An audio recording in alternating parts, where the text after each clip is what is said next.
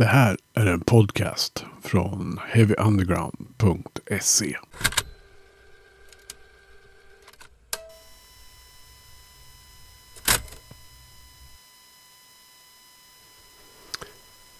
Heavy Undergrounds podcast är vad du lyssnar på. Jag heter Magnus Tannegren. I det här avsnittet så ska ni få träffa Lucifer. Eh, vi släpper det här avsnittet i samband med att bandet släpper sin femte skiva som helt enkelt heter Fem. Eh, Svempa Alving har träffat två av huvudpersonerna i bandet. Nämligen Johanna Sadonis och Nicke Andersson i två separata intervjuer. Som ni får här i Heavy Undergrounds podcast alldeles strax. Först vill jag bara påminna om insamlingen till Suicide Zero som Heavy Underground gör. Eh, det är ju 1500 personer ungefär varje år som väljer att inte leva vidare. Och så där kan vi ju inte ha det. Så därför så stödjer Heavy Underground Suicide Zeros arbete i folkbildningen kring dessa frågor. Och är med arbetet att avstigmatisera att prata om sådana här saker. Mår man dåligt så ska man söka hjälp. Det gör man genom att hitta vårdkontakter på 1177. Prata gärna med en vän också om att du mår dåligt. Någon som du har förtroende för. Och mår du riktigt dåligt eh, och är på en väldigt dålig plats. Då ska du ringa 112 så får du hjälp då. Ta hand om er där ute. Nu så ska vi prata om musik. Det gör ju livet värt att leva. Och här kommer nu två intervjuer. En med Johanna Sadonis och en med Nicke Andersson. Och det handlar om Lucifer. Och intervjuar, det gör Svempa Alveving. What are you listening to right now? What are giving you inspiration in a cold January? I um, listen to many different things. Um, of course, Nick and I, you know, we love 70s hard rock very much, but there's also, you know, there's a lot of different metal that we like.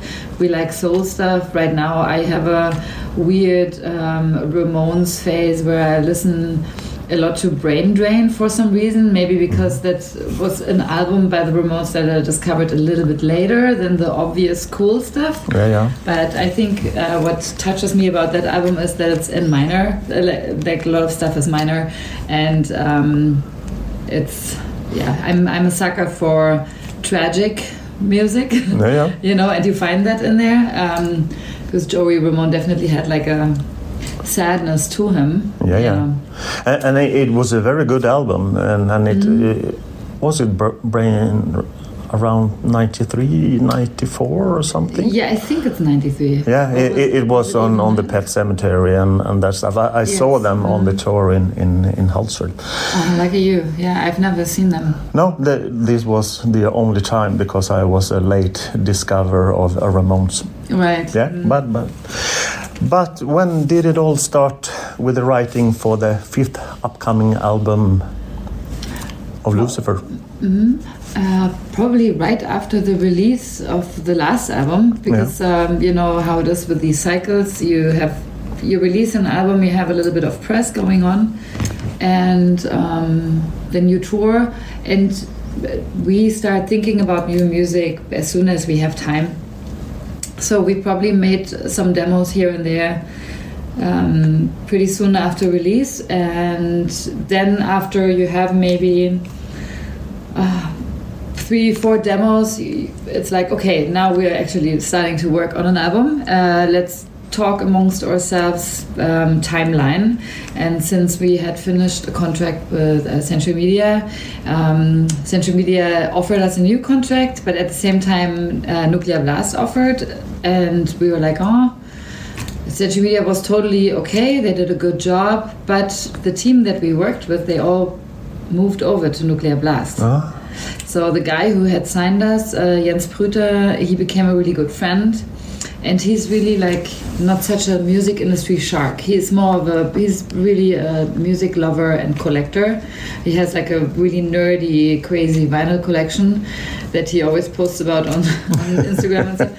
So um, he is a really close friend to Lucifer, and um, he moved to Nuclear Blast and because of that we got that offer so then it was like okay let's be loyal and go with our guy you know our friend Um, he's doing a great job with Lucifer. So now we're with Nuclear Blast, and of course, when you're with a new label, you know you have to make a plan for the album.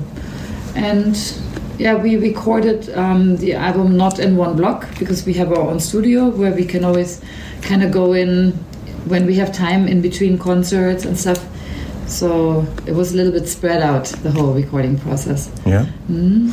And uh, you have obviously found your sound because you have been around for a couple of years. But do you see any difference between this album or and the former album? Yeah, it's really um, interesting because we always write the same way. And um, Nick and I now we have done four albums together for Lucifer, and uh, it's done very similar. But this time, a difference was that um, after Nick and I produced the album uh, and we recorded it and self-engineered it in our studio, but we didn't have time to mix it ourselves. So we asked Nick's really good friend uh, Robert Persson. That he- Yeah, Humbucker. Humbucker and Death Breath. He was Yeah, with yeah, Nick yeah. with. and um, he mixed it, and he did it so good that um, Nick said, "Hmm, maybe I shouldn't mix any Lucifer albums anymore." so no, really, uh, it was brilliant. And um, when we were sitting in the mastering studio, of Magnus Lindberg uh, at Redmount, um, he's been mastering all the all the Lucifer albums uh, since I'm in Sweden, two, three, four, and five. And you know when you have these fancy speakers, um, because in the mastering studio everything is very high definition, and they have this uh, software where you can click in between the new album and the last album or any album, like really fast to compare the sound. Um, the other albums before almost sound very muffled.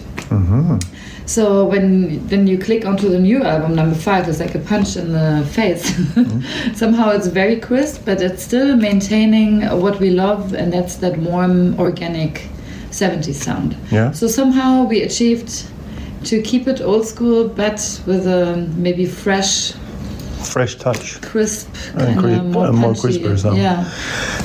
yeah, I, I, I, I uh, agree with you totally. Mm-hmm. But in general, when, when you write music, where, where do you uh, find inspiration? Well, since I um, since I I do the vocal melodies, um, that I actually uh, composed the music around. That happened, I think, in only one or two Lucifer songs. The rest, um, I just focus on the vocal melody and the lyrics, and um, the overall um, artistic concept. You know, videos like what kind of photo shoot, what is on the album cover, all the visual stuff. Um, and the inspiration comes from many different things. Um, well, first of all, personal experiences and stor- stories. And um, I'm a very visual person, so when I um, take a walk on a cemetery, I, I will really soak up every little detail of every crypt, every church that I go into and sit down that somehow sticks with me. Uh, I'm like a sponge with images.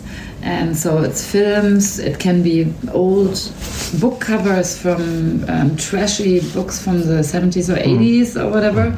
They often have really cool designs and, you know, old film posters or uh, music posters.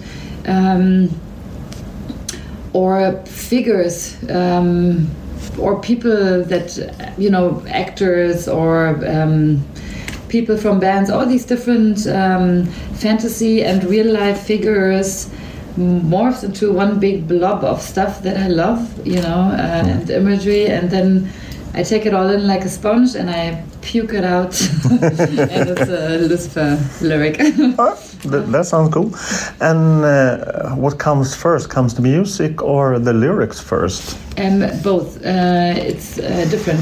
So uh, whenever I have an idea, I write it down. So sometimes Nick and I are watching a film and I'm spacing out um, and I can't focus, and something else comes into my head, and I'm like, oh, Nick, stop it! I need to write something down. And then I write down like one or two sentences. I have like a um, never-ending word sheet that's just like you could scroll forever. It's Yeah. like phrases, sentences, words that I write down. But then when um, so that's one thing. But when Nika gives me uh, a song idea or some riffs, and I put it into GarageBand, and I sit down and I'm trying to think about the what can I sing here. I don't think about the lyrics right away. Um, it's first I start um, mostly with gibberish because I want to compose a vocal melody like an instrument. Yeah. That um, that's So, so, so I mean, uh, it's like that. Uh, uh, yes, but usually something works. comes out anyways, and that's really interesting because sometimes, and I don't know where that's coming from. It's like you tap into something subconscious. Yeah. Sentences, uh, words come out, and I'm like, ah, so I guess the song is about this, you know. And then I have like some pieces, and usually a few of these um, words or sentences um, from that make it into the lyric because then it somehow fits um, and then i try to um, then i get like um, it's crystallizing out. Like i see start to see a shape of something you know what this could be about. And it could be um, a mix of a personal story and something else and that morphs into one thing you know Yeah. um, and sometimes I have to go back to my long word list, you know, and be like, okay, so this song is about uh, somebody returning from the dead. Okay, let's see, what do I have that some cool word combination that I can use? Um, so yeah, so I do lyrics and I, I treat the composition of the vocal melody separately, Okay. and then I sit down and write words that fit with that rhythm and phrasing. Yeah. Has it always been like that? Um, that w- when you're composing uh, new music or, or lyrics, uh, that you do like you uh, just said to me. Um, yeah, yes. Um, I have done tried it the other way around because Nika is funny. He does it different. He writes lyrics uh, first, like he can sit and write like a whole lyric, and then he'll try to fit it into the song. I usually don't do that. Uh, I think I don't do that out of uh, maybe German efficiency. I don't want to waste that time because it's gonna have to fit exactly what I wanna sing. Yeah. So uh, yeah, but we've also done weird things like I have s- sat on the airplane and I had an idea, a vocal idea, and I am um, sing like a verse and a pre-chorus and a chorus onto my phone. And then Nika took that and wrote all the music around it. Um, so we've done it the other way around as well. Okay. Or I've sat at home and I um, we we've done this for the Mausoleum song that um, was on the previous album. That I did the um, keyboards and I made the song with keyboards and then the vocal melody. But then I told Nick, okay, so this keyboard melody is supposed to be guitar. You have to do that. Yeah. Um, and then what's relatively new in Lucifer is Linus Björklund, our guitar player. And um, it started on the last album. He's done two songs with us. And Crucifix became a single, that was one of them. And on this album, he did um, Riding Reaper and Strange Sister Okay. together with me. And Yeah. there was the same thing. He brought the song, and I sat down and did the lyrics. Yeah. So I, I read somewhere that uh, the last album was the first album that Linus contribute. Uh, was there even more contribution on this album? On on this new album, it's just the two songs. Yes, the two Yeah. songs. Okay. Um, I mean, he gave us more, but I only chose two of the demo songs that he gave us um, to work with. Yeah. Are, are there any, uh, so to say, leftovers? Do you Yes. have uh, ano- more music that aren't? Uh, there are nine songs on the new album, and uh, you, you have more material. Yes, there's more material. Um, there's quite a bit of material since Lucifer exists for the past 10 years. Every time there's an album, there is something left over. Uh, sometimes with like vocal scraps, sometimes just instrumentals. Um, yeah, but um, I think in case I die tomorrow, maybe they'll be able to make one or two More. more Lucifer. that, that's good. but uh, so you you you save them for later for singles or, or, or Yeah, but uh, the thing is, you know, it's always so fun to start something new.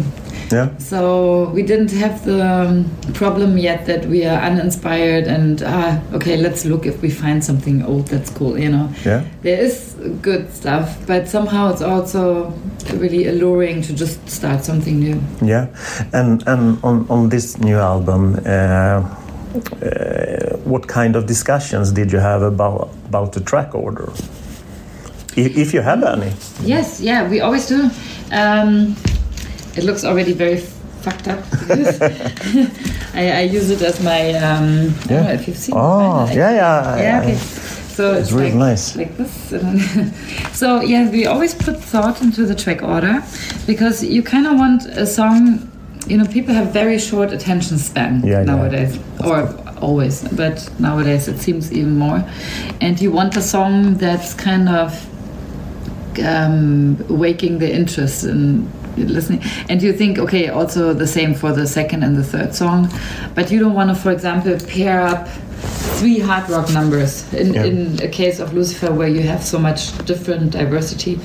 Um, so you want to show a little of this and some of that, and um, and also sometimes you don't want to. I think in Lucifer we always try to avoid putting songs next to each other that are written in the same key Yeah. Because then it can sound very samey samey um, and people don't even realize why but um, or that have the same drum beat you know pattern or close to it so it's many things to consider Yeah, yeah. um, and then um, we also always think about uh, vinyl side A and B Yeah, of course. because you want to have a nice end to the A side and a good start for the B side, Yeah. and then of course the last track, you know.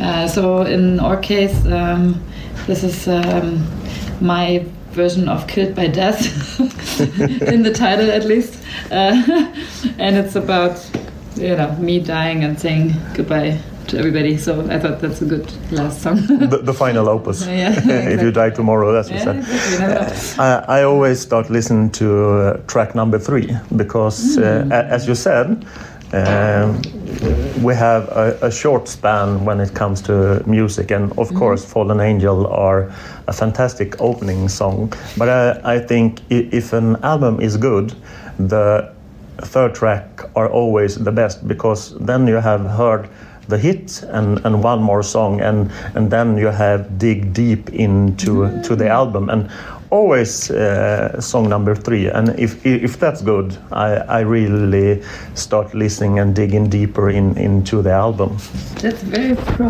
of you. because That's good thinking. I'm gonna yeah try to look at it this but but I'm I'm I'm uh, of course a, a dinosaur and I listen to vinyl and I'm uh, my, my, my, my, my kids uh, they they played like on TikTok uh, 15 seconds oh this is a bad song but, Okay. but but I'm more into the whole album concept but but I know I I, I think different than most of the other people Then you know, know everything about attention span.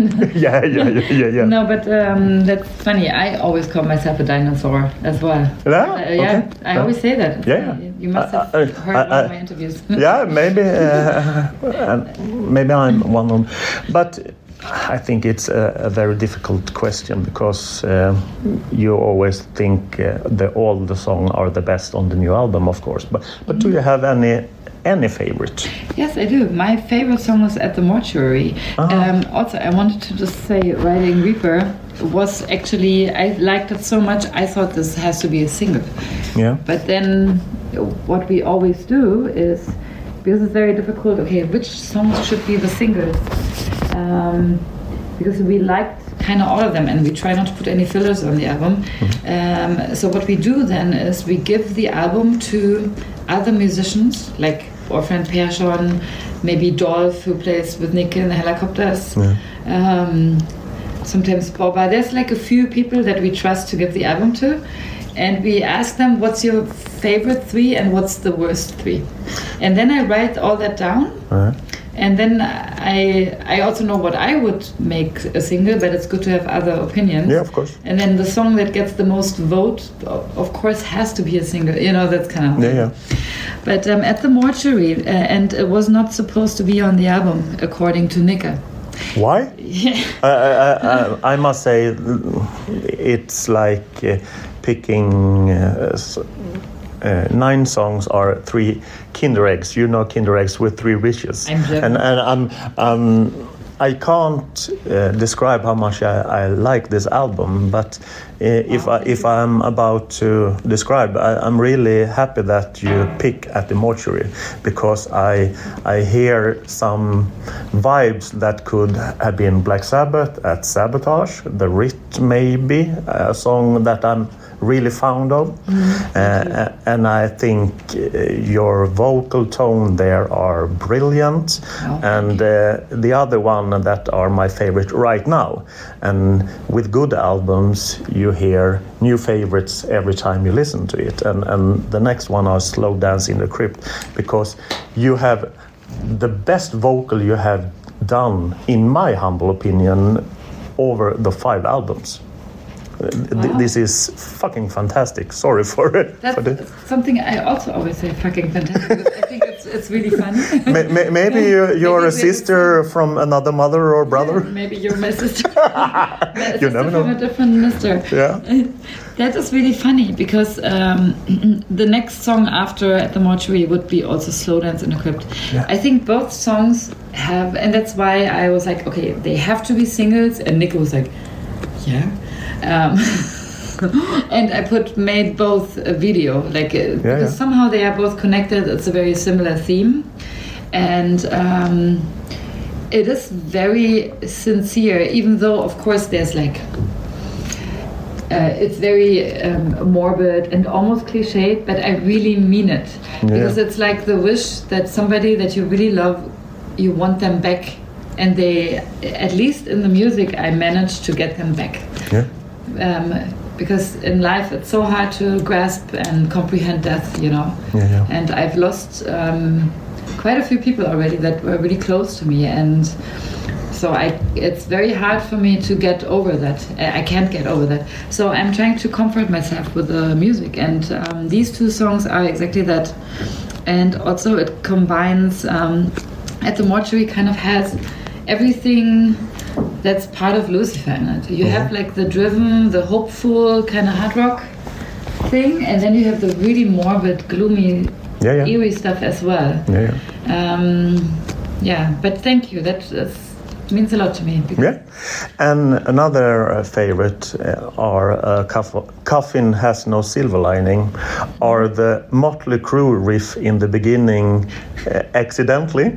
Nico would kill you because it's supposed to be Judas Priest uh, actually. I, I hear more Motley Crue. yeah, we've heard that, and we are all like, "Oh no, that's the wrong reference. Speak for yourself. This is supposed to be Judas Priest." Ma- Maybe I need to, to uh, tell him to bring tension, and after a while, I, I, I will never see the, the album is out because I'm getting killed here. uh, uh, but you, you have uh, told me uh, about the singles you have chosen for the album. Are there any more singles coming out from the album? Because uh, for me, it could be all of the songs could be singles. Wow, thank you. Well, um, I did something unusual and I asked Nubia Blast, can we have five singles, please? Because there's so many good songs. Which uh, sounds, I mean, usually, okay, we are not full of ourselves, but we really, really love this album ourselves. Yeah. And it's hard to pick, so we picked uh, The Dead Don't Speak and it's gonna come out on uh, album release day. Yeah. Yeah. Cool. And uh, because you you you are together, do you see any positive aspects with being together and playing in a band together? Yes, um, a lot more positive aspects than people would ex- expect. Yeah. because um, we don't have like these jealousy problems like one person is on the road and one person is home and thinking the person on the road is having a ball and is partying all the time Yeah. so we share all the experiences and it makes it really easy and we have the same taste in music and in you know um, we do all the designs together and yeah, it's kind of like winning the relationship lottery when you can share so many Yeah, things. of course. And we really enjoy that. So, um, yeah, and if one of us needs a night alone, then um, Nicky can sleep on the sofa. Mm-hmm. but um, we really, we, we just enjoy each other's company and. Um, actually, I think it's great for us. It works. Yeah, yeah, Yeah. yeah. uh, the reason why I asked uh, because I did an interview because I have another outlet uh, with a, a, a friend called Ylva. We do a YouTube show with uh, which called Cries from Down the World, and we uh, interview a black metal duo that are living together, and Okay. and, and they are also speaking about the positive uh, consequences if you're with uh, another person and playing in the same band. It's much easier because if you have an idea, you can talk straight to them Right, because right, they're yes. right in front of you. Yes, exactly. And and and it's easier than if you are with other members. You can speak straight Mm-hmm. because they can take it because. Uh, yeah, and, and, it, yeah. and and it could be some negative chemistry, a couple of minutes, but then you take it further.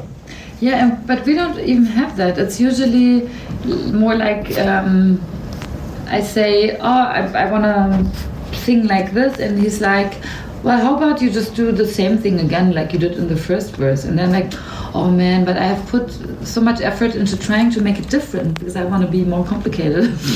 and and he taught me how to be more simple. But he's but then you know I'm open to whatever is best for the song, Yeah. and he's also open to it. If I would say no, I want to do it my way, then that's okay Yeah, because also I'm the boss. yeah, th- th- that's really cool. And and he is cool with that. He, I think he actually likes that because he already has to be the boss of the other bands. Yeah, yeah. Kind of, Yeah, you know. So it's like, it's easy for him. Det var Johanna Sadonis det. Eh, Svempa hade också nöjet att få prata med eh, Nicke Andersson. Och då lät det så här. Och jag tänker att du behöver ju ingen, ingen större eh, introduktion. Nicke från Lucifer, välkommen till Heavy Underground. Tackar. Vad, jag tänker att du, du lyssnar ju på en jävla massa mycket musik. Vad, vad är det som är mest intressant nu? Förutom att lyssna in det på Lucifer. Ja, just, man måste ju lära sig låtarna man spelat in till skivan till Ja, turnén. ja, men det kan ju vara bra. Det är ju så i alla band. Man, är, man spelar in en skiva. Sen tar det alltid ett tag innan skivan kommer. Ja, Då har man ju glömt av det där lite. Ja. Man repa, repa in det där. Eh, jag brukar ju... Jag, jag lyssnar ju inte sådär mycket på musik som jag borde göra eftersom man håller på... Det är lite av en arbetsskada. Aha, du, Eh, du så är att ganska... jag gillar när det är tyst. Ja, Men eh, så att det, mesta tid jag tillägnar till musik blir bilen. Jag kör rätt mycket bil när jag ska till skola och lämna sådär. Och då brukar jag faktiskt använda den här streaming-sajten som är så populär.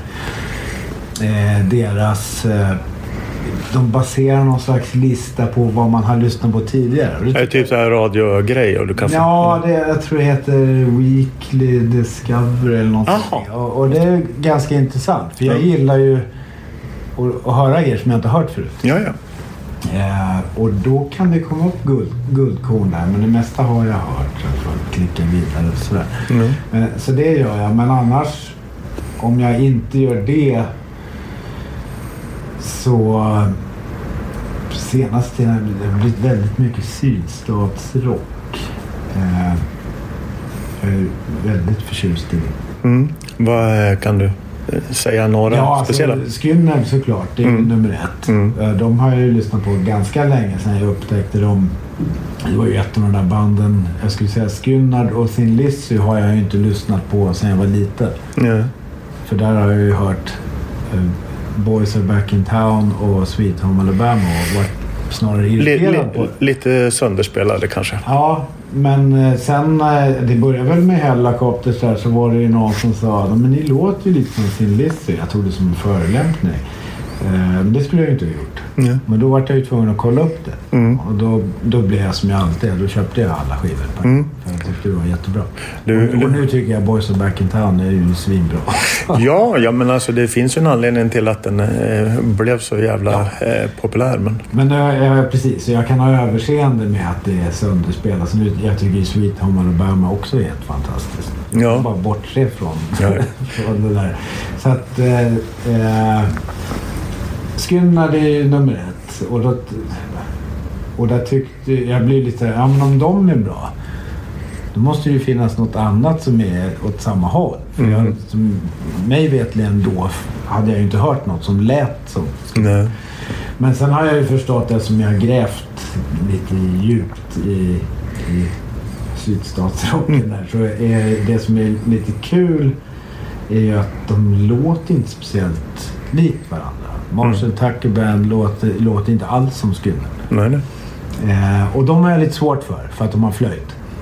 Jag gillar inte flöjt. Nej, jag har jättesvårt. Eh, flöjt... Eh, jag, jag lyssnar rätt mycket på ja, men dom och så här. Flöjt, dom går fet bort. Men jag har Jag tar massa... gärna bort det. Det, Ja. det är samma som i rockmusik. Mm. Om, det inte är, om vi inte pratar 50-tals Little Ja, ja, Richard och ja, så, ja. här, så gillar jag inte sax heller. Nej, okej. Nej, Nej. absolut inte. Det är ofta, jag tycker ju till exempel om Badfinger. Mm. Jättebra. Och så kommer en, ett saxsolo när de har en gitarrist i bandet. Mm. Det, är, det är nästan så att jag lägger in den i musikprogrammet och tar bort det partiet. så att jag kan njuta. Så sax går bort. Men jag är lite speciell där för blåssektion är en helt annan femma och där ingår sax. Det gillar jag. Så Men inte är- som eh, ett saxsolo, utan men som komplement till övrig. Ja, förutom det, om det är ett rivet jävla saxsolo i en Little Richard-låt. Mm. Då funkar det. Ja, funkar. Så att det är, väldigt specifikt där. Men, men eh, Skynnard är bra. Och sen upptäckte jag tror att bandet efter det, det var ju Outlaws. Helt fantastiskt. Det är något som har gått Ja, mig totalt förbi. Jävla bra. Är det det? det är måste jag kolla. Vansinnigt bra. Om man gillar gitarrer. Mm. De är ju också, alla har ju, det är som att alla har ju baserat eller det som de har gemensamt med att alla såg ju upp till Allman Brothers. Mm. Och nu tycker ju jag att Skynnard är bättre än Allman Brothers. Men det kanske är för att jag hörde dem först. Och Mm. Ja, det beror alldeles jag gillar Allman Brothers men jag tycker att för mig är sydstatsrocken det är mer... Är nog mer Skynnard. Det, det är lite... Ja, lite träskigare på något sätt och det gillar jag. Mm. Medan Outlaws då, de har likheter men de drar mer åt countryhållet. Eh, och mycket mer stämsång. Så att det är nästan som att Outlaws skulle jag nog beskriva som Skynnard fast lite, lite countryinfluerat och eh, med lite Crosby, Stills, Nash Young Mm. Det är aldrig Och så fel. har ju alla de här sydstatsbanden har ju sin Freebird Mm. med ett vansinnigt långt soloslut låt. Och det har ju då, eh, vad heter den? Eh, Green Grass and High Tides är ju... Är det deras Freebird? Ja, Ja. och som är då längre än Freebird. Mm. Oj! Ja. Ja, ja. Och sen live är den ännu längre. Det brukar ju kunna vara det. Man, man har ju sett en del eh, klipp av Freebird som kan vara enormt Ja, längre. det är så fantastiskt. Man vill aldrig tar slut. Nej. Att, eh, att, Men om vi ska prata lite Lucifer. Ja, eh, Men för att knyta Ja, an, vi ja. hade ju en låt på förra skivan som var direkt inspirerad av sydstatsrocken. vilken var det då? Eh, Louise. Ja. Så att om man kan sin sydstatsrock så är det... Vi gjorde allt. Vi ville verkligen att den skulle dra åt det hållet. Så, så det är våran Skynnard möter Sabbat-låt. Så att solot är... Båda gitarristerna spelar ju samma solo Ja. som Skynnard gjorde också Ja. ofta. Ehm, du ser, jag tycker det är roligare att prata om andra band än mina band. Ja, ja, ja men det, så kan det vara. Men eh, hur, hur började liksom hela processen med den, det album som ni nu släpper på Nuclear Blast 26 januari? Den, eh, jag vet inte, nu har jag ju frågat Johanna så vi ser om vi motsäger varandra. Ja, men det blir ju jätte, Ja. kan bli jätteintressant. Ja, jag har ju känslan av att, jag kan ju ha fel såklart, men att processen var ju typ samma som den har varit. Vi skriver på samma sätt. Det har hon kanske berättat. Vi sitter ju i samma rum men ändå så e-mailar jag mina idéer till henne. Det är så. Så att vi sitter ju aldrig så här, "Ah", det, så. Nej. Det är vi båda fortfarande blyga för. Eller så funkar det inte bara. Jag, jag är ju van att skriva själv och det är väl hon också. Så att så gör vi. Och sen går vi igenom den när det börjar bli klart. Så, så det har vi gjort på samma sätt. Och dessutom så har Linus eh, Björklund, då, gitarristen, han har bidragit med på samma sätt som jag jobbar med Johanna har han jobbat med Johanna på Mm. två låtar. Ja, Johanna berättar vilka låtar det Ja. var. Liksom så här. Det var väl med förra skivan var det väl första Ja. gången som de liksom... Det var inte uttalat att nej men ni får inte bidra. Det var bara att de inte bidrog Ja, det tidigare. hände ju ingenting. Så Nej. vart vi nästan tvungna att säga, du vet, ni, har ni något? Så, Ja. Men Martin, nej, Nej. jag skriver inte låtar. Nej. Okej. Nej. Nej. Men Linus var nyfiken. Så han, han har ju skrivit låtar till sina mindre band tidigare. Så då, men, men Martin hade inte det... Nej, det fanns... Han var nöjd med att Ja. spela gitarr. Ja, ja, men det, det får man ju Och vara. det är ju inte helt ovanligt det heller. kanske. Nej, nej. Nej, så, det, det, så den processen, den skulle jag nog säga var snarlik albumet innan. Och den... Jag vet inte. Det, och- jag kan ju tycka att en, en låt... Jag vet inte om vissa eh, skriver på ett visst sätt, men jag kan inte skriva sätta mig ner och bara, nu ska jag skriva den här typen av låt. Nej. Utan det blir som det blir. Den, man hittar den någonstans. I, om det är i sig själv eller om den kommer från etern någonstans. Eller, Mm. det, funkar det så är det väl någon slags magi. Jag vet inte. Mm. Jag kan inte sätta fingret på. Men jag, jag är nog ganska intuitiv. Så det, det blir som det blir.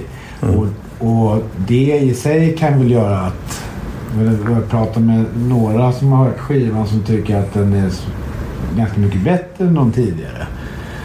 Och då tänker jag, då finns det ju två anledningar till det, om det nu är sant. För det är ju, musik är ju individuellt. Ja, ja, ja. Eh, Det är ju antingen att vi har haft tur med hur låtarna har kommit till oss. eh, ehm, Eller så är den andra skillnaden att Robert Persson har mixat skivan. Mm. Vilket i sånt fall betyder att han är mycket bättre än mig. Mm. För annars är det ju precis samma. Vi har spelat in det på samma sätt och Mm. det är ingen större skillnad. Men just att han har mixat den. Mm.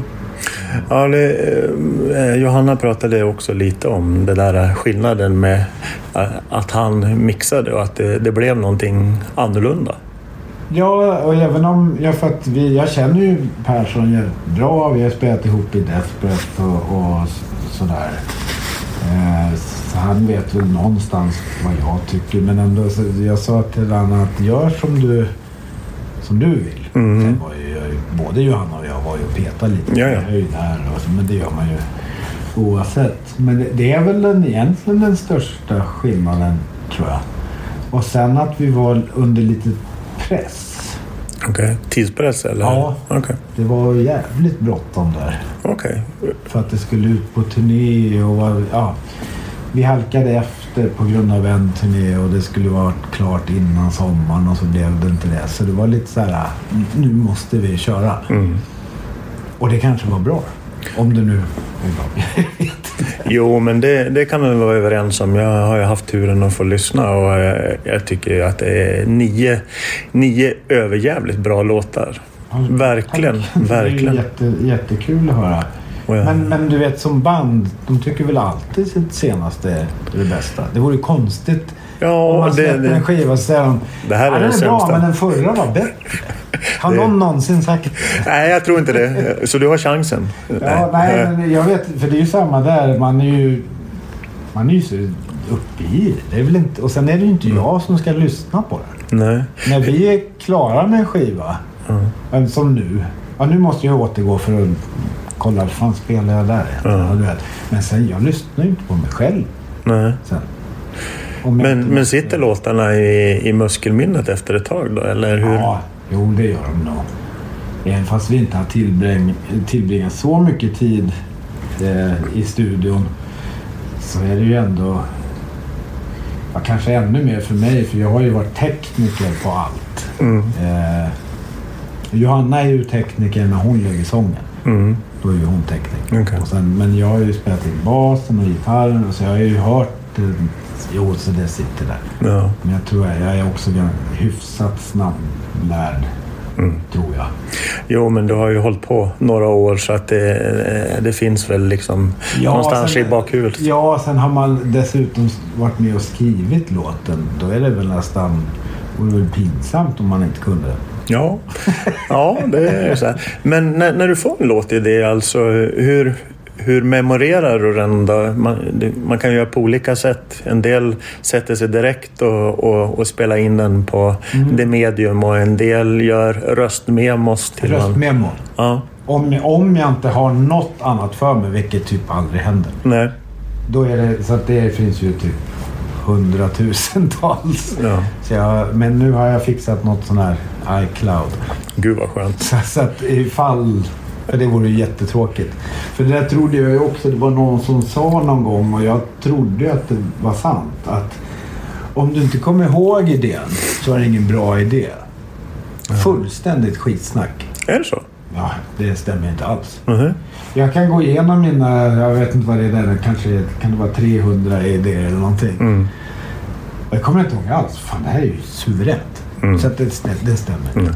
Men är det alltså 300 Lucifer-idéer? Eller kan Nej, det vara det liksom kan vara från som allt från alla dina band? Det är 300 kanske överdriver för effekt.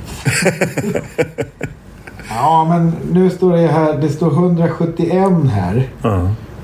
Men sen om man går, ser, sen om man går ner här Då är det flera. så står det ju...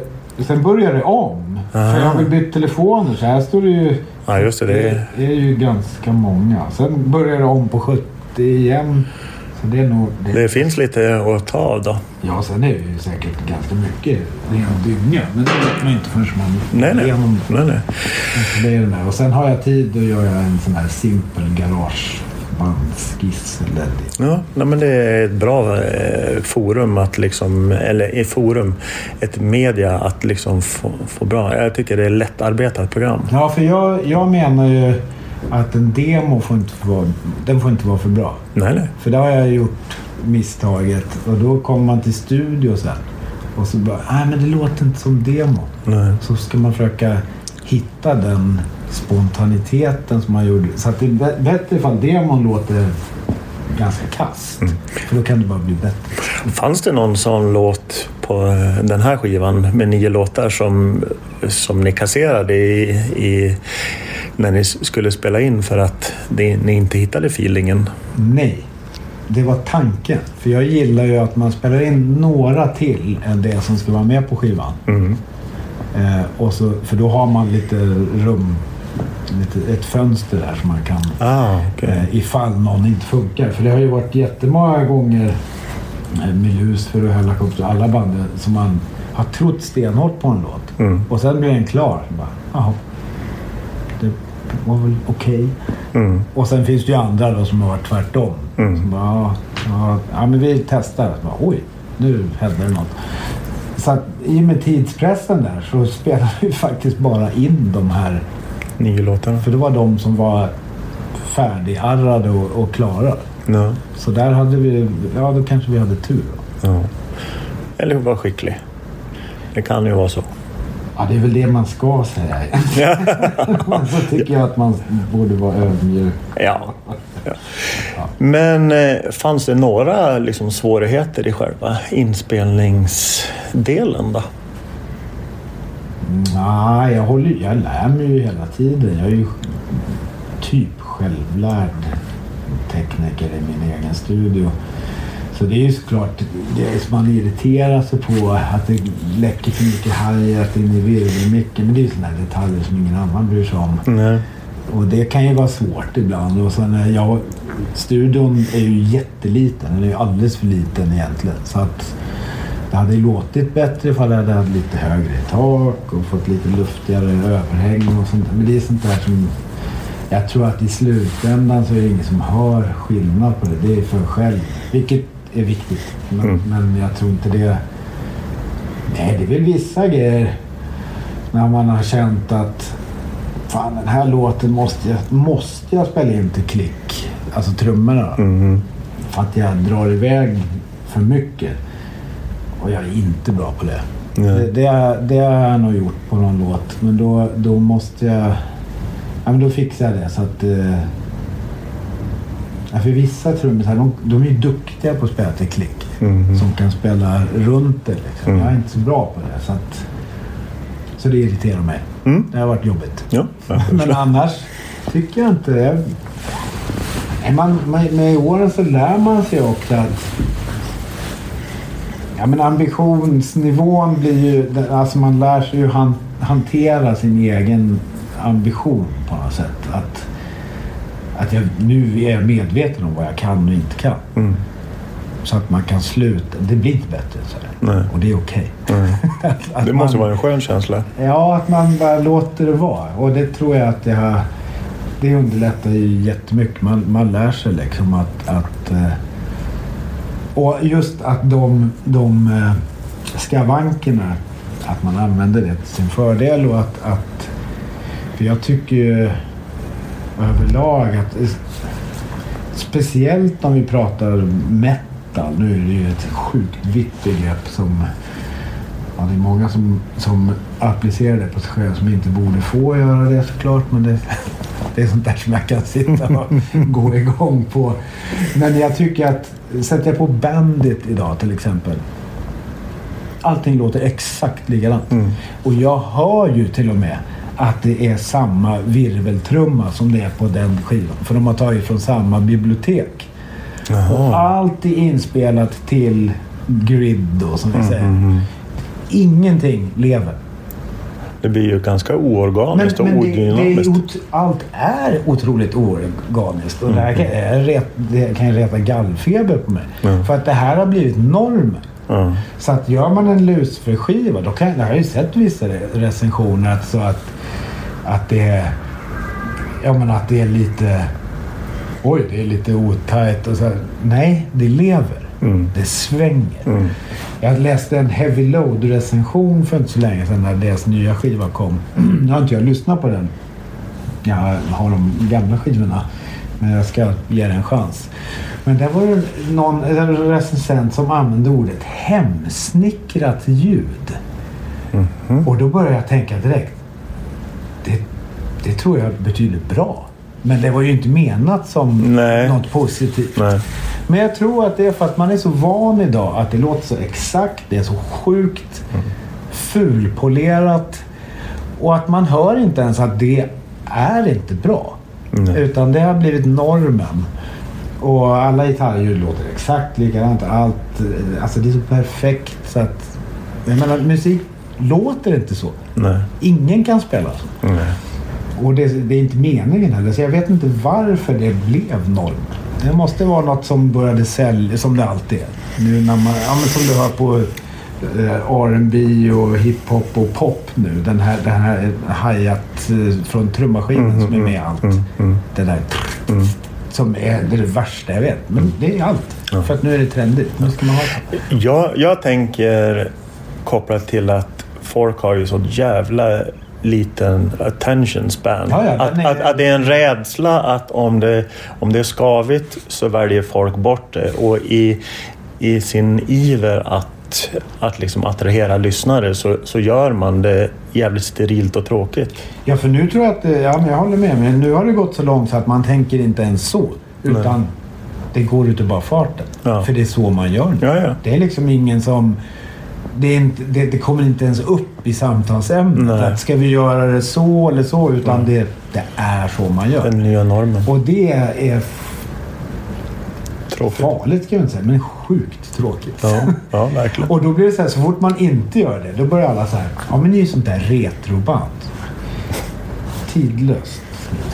Ja, det. Alltså jag tycker att retro, oavsett om det gäller mode eller vad, vad det är musik. Det, ja men vad är retro? Det, nu går jag igång på det här också. Ja. Så slår man upp en tidning så är det massa band som bara, de ser ut som 80-talet och låter som 80-talet.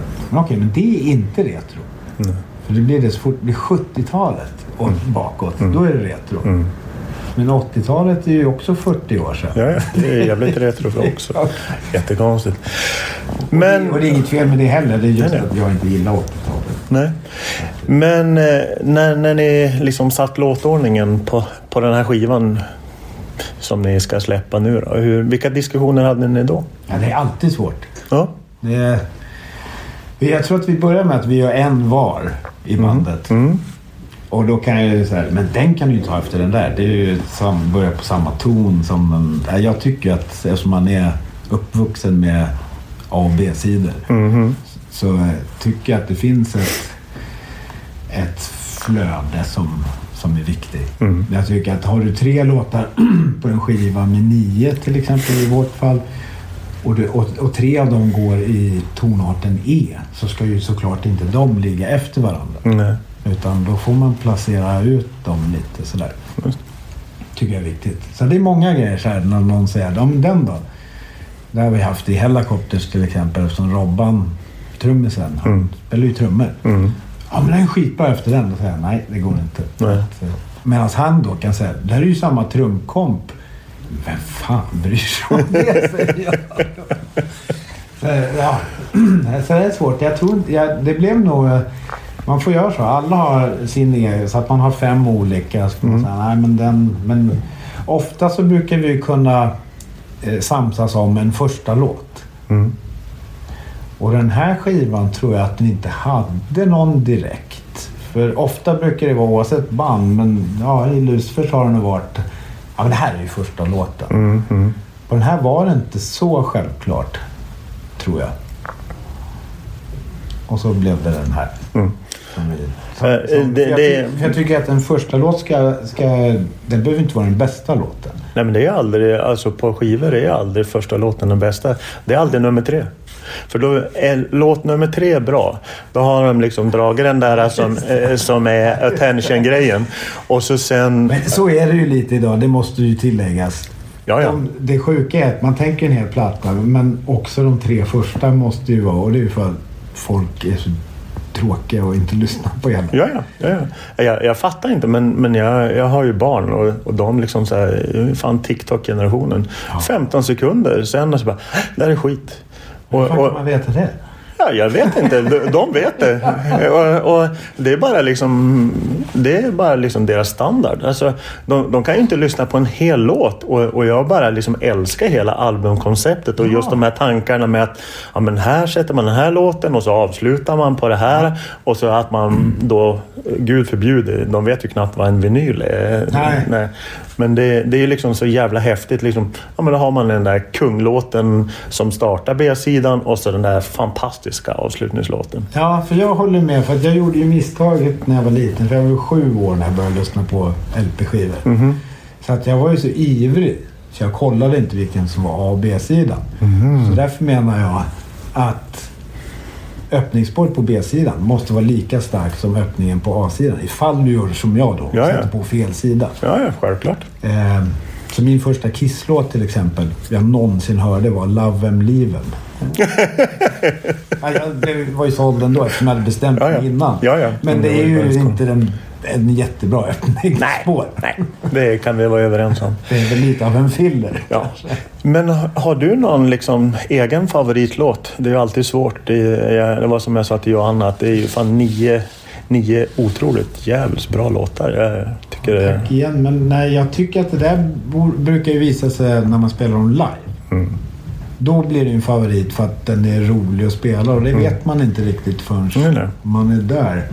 Sen kan det ju finnas vissa låtar som man gillar men som är inte så kul att spela för att de kanske är svår eller att det finns ett svårt parti som, man, Mm. som gör att man bara måste vi köra den idag. Ja, ja. Fast man egentligen gillar låten. Ja, ja.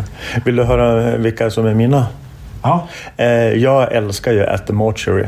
Den tycker jag är, är men- sinnessjukt bra. vad kul. Alltså- den kom nästan inte med på Nej, hon sa det och jag tänkte bara, vad fan hade ni... Alltså Du det... skulle ju hört hur det lät innan vi fixade till det. Alltså, nej men alltså jag, jag tycker den är helt, alltså just det där, alltså som jag sa, att, att det är ju liksom, ja, det skulle kunna vara en outtake från Black Sabbath Sabotage.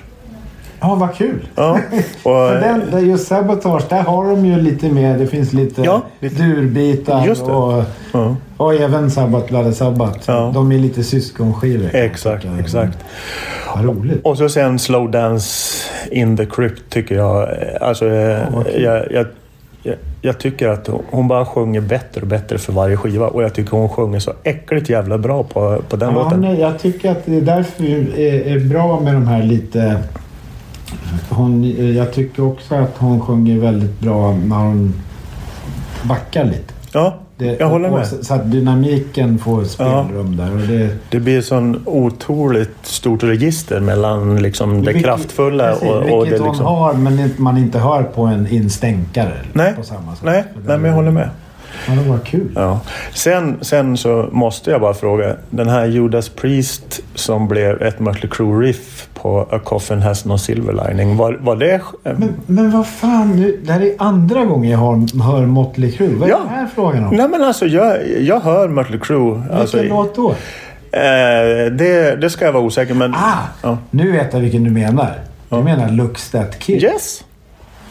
Nej, det var ju Judas Priest. Ja, men jag vet. Och, och jag sa det att jag kommer ju bli lönnmördad av Nicke nu för att, eh, att jag sa det. För hon sa nej, han, han, han tyckte det var Judas Priest. Men vad, vad är det för Judas Priest du tog Det är ju inspiration You don't have to be old to be wise. Du, du, där, Ah, ja, ja, ja, ja. Nu är jag med dig. Nu är jag med dig. Jag snodde till och med trumintrot. Du, du, där tog jag rakt av därifrån. Men jag hör ju nu också att det, ja, det. Just det.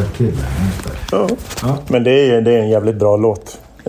Jag har ju lite svårt för Motley Crue, men jag ska ju erkänna att jag, har, jag var ett fan i högstadiet. Men Ja. jag tycker att av de här banden jag gillade har de inte riktigt hållit måttet. Nej, nej, Som många andra band har gjort. nej, nej, nej, men det ska vi. Och eh, Vince Neil live nu för tiden är väl... Han var väl inte bra då?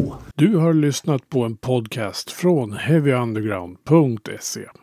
Jag som säger det heter Magnus Tannegren och är den som producerar och intervjuar i den här podcasten.